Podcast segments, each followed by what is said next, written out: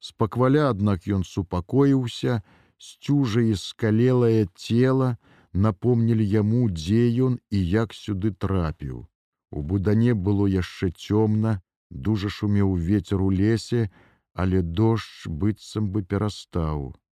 Войцік адчуў, што неўзабаве пачне брацца на ранак і ляжаў, думаючы, куды яму падацца тым ранкам, дзе шукаць вёску.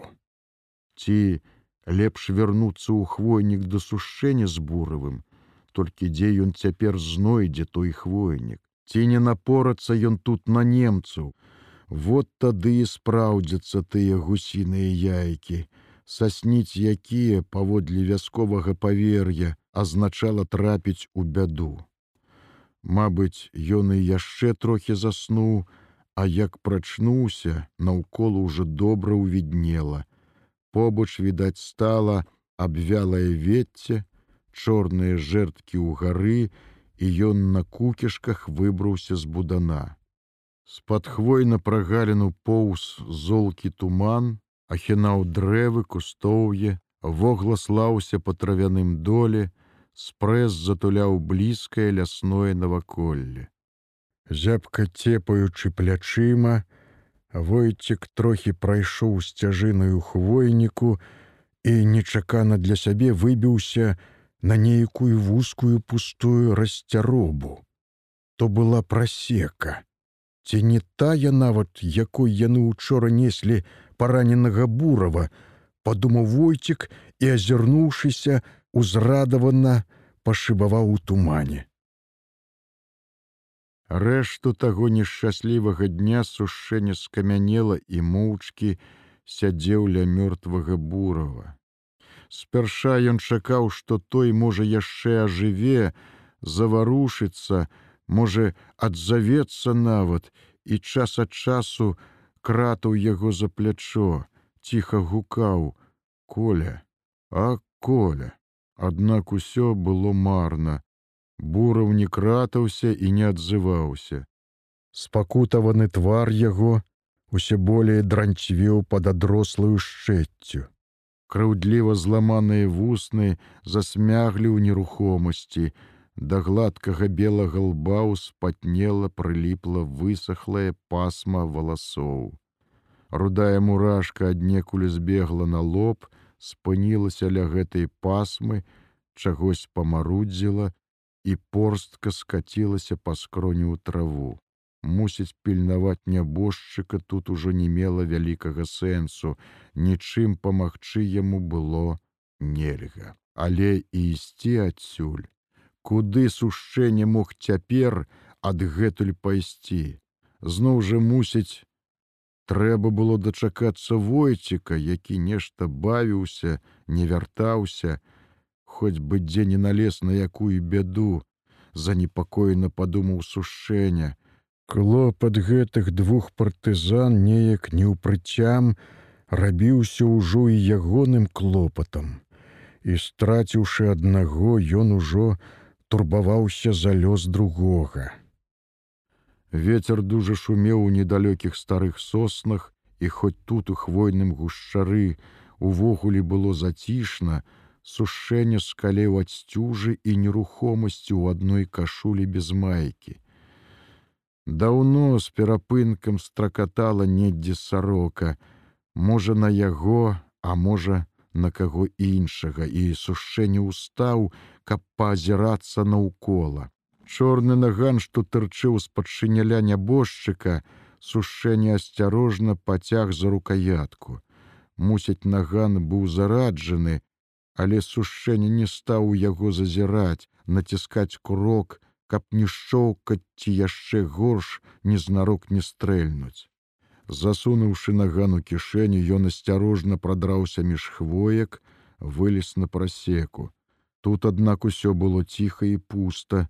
Сарока якраз таксама прыціхла, і ён паазіраўся, маючы кволую надзею убачыць, дзе войціка, ды войціка нідзе не было.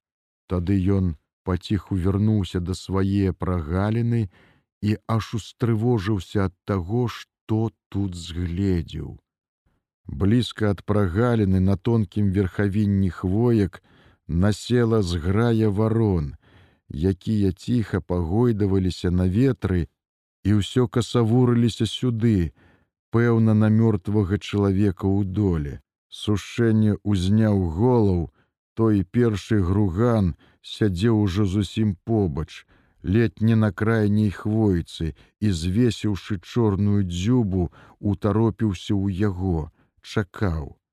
Сушэнне абурана махнуў рукой раз і другі, крыкнуць ён не наважыўся, і груган мусіць, зразумеўшы тую яго нерашучасць, не скрануўся нават, не вырухнуў крыллем, сядзеў як прывязаны на галіне і толькі збоку на бок паварочваў чорную галаву, каб лепш бачыць наўкола.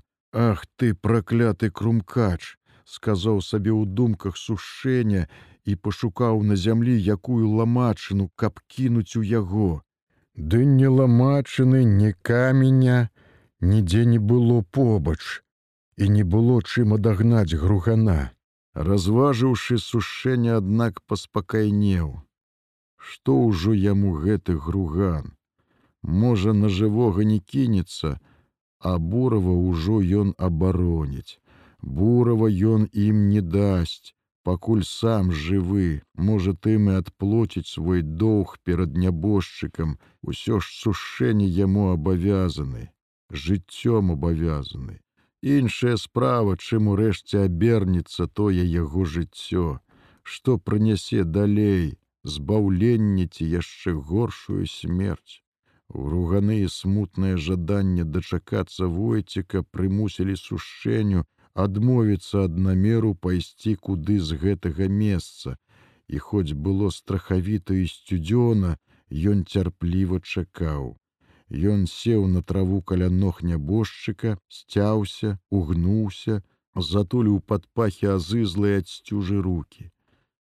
Бураў ляжаў непатрэбным цяпер для яго шынелку, ды сушэння не наважыўся распрануць нябожчыка не паднімаліся на тое руки. Ён усё думаў, што вось-вось появіцца войцік з фурманкай, і тады яны паедуць адсюль. А куды паедуць, А хоць бы куды, абы далей ад гэтага здзічэлага хвойніку, ад гругання, можа, куды да людзей.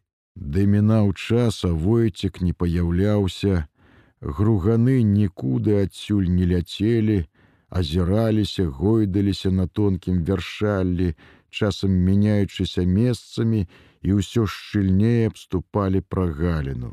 Пад вечар іх ужо сабралася тут стузін, і наперадзе, на самай верхавіне хвойкі, бліжэй за іншых, усё тырчэў той першы груган, цярпліва і пільна сачыў за двума чалавекамі ўнізе. Неяк неўпрыкмет насунуўся вечар.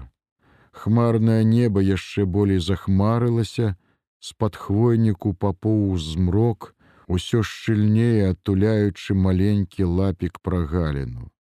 Тры вароны з дальніх вершалін паляцелі кудысь адна за адной, а рэшта ж засталася чагось цярпліва чакала. Але чорта вам во лаюся ў думках сушэння, усё махаючы на іх руками. Толькі дарма. Чалавек іх не палохаў. Мусяць, яны разумелі марнасць яго пагроз. Было падобна, што гэтыя ўжо не збіраліся нікуды ляцець, ці не мелі яны намер і начаваць тут. Калі ўжо добра сцямнела і ў небе засталося відаць адно шчарнелае вяршалле хвоек, недзе прапалі ў змроку і вароны. Аднак час ад часу там адчувалася нейкае варушэнне, некаторыя вяршаліны неспакойна пагойдваліся, значыць, вараннё ўсё чакала. Войціка ж нідзе не было. Сушэнне ўсё болей пачала гортваць стома. Ужо некалькі разоў ён лавіў сябе на тым, што пачынае драмаць. Тады трывожна прахопліваўся, уставаў, махаў руками, прысядаў, ускокаваў, разганяў сон і грэўся. Але гэта не сагравала, стамляла яшчэ болей, хацелася легчы і забыцца ў сне. Зусім знямогшыся, урэшце не стрываў і лёг побач з нябожчыкам, бокам на пале ягонага расхінутага шыняля.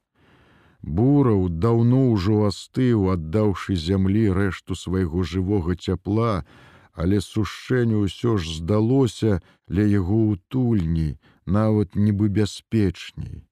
І ён сцішыўся са сваімі журботнымі думкамі, шчыльней месцячыся спіной да скалелага цела нябожчыка. Усё думаў, чаму яму так не пашэнціла ў гэтай вайне, у чым ягоная віна перад людзьмі ці перад радзімай самім сабой. Чаму менавіта яго напаткаў гэткі нялюдскі лёс, Чым ён заслужыў такую горкую долю.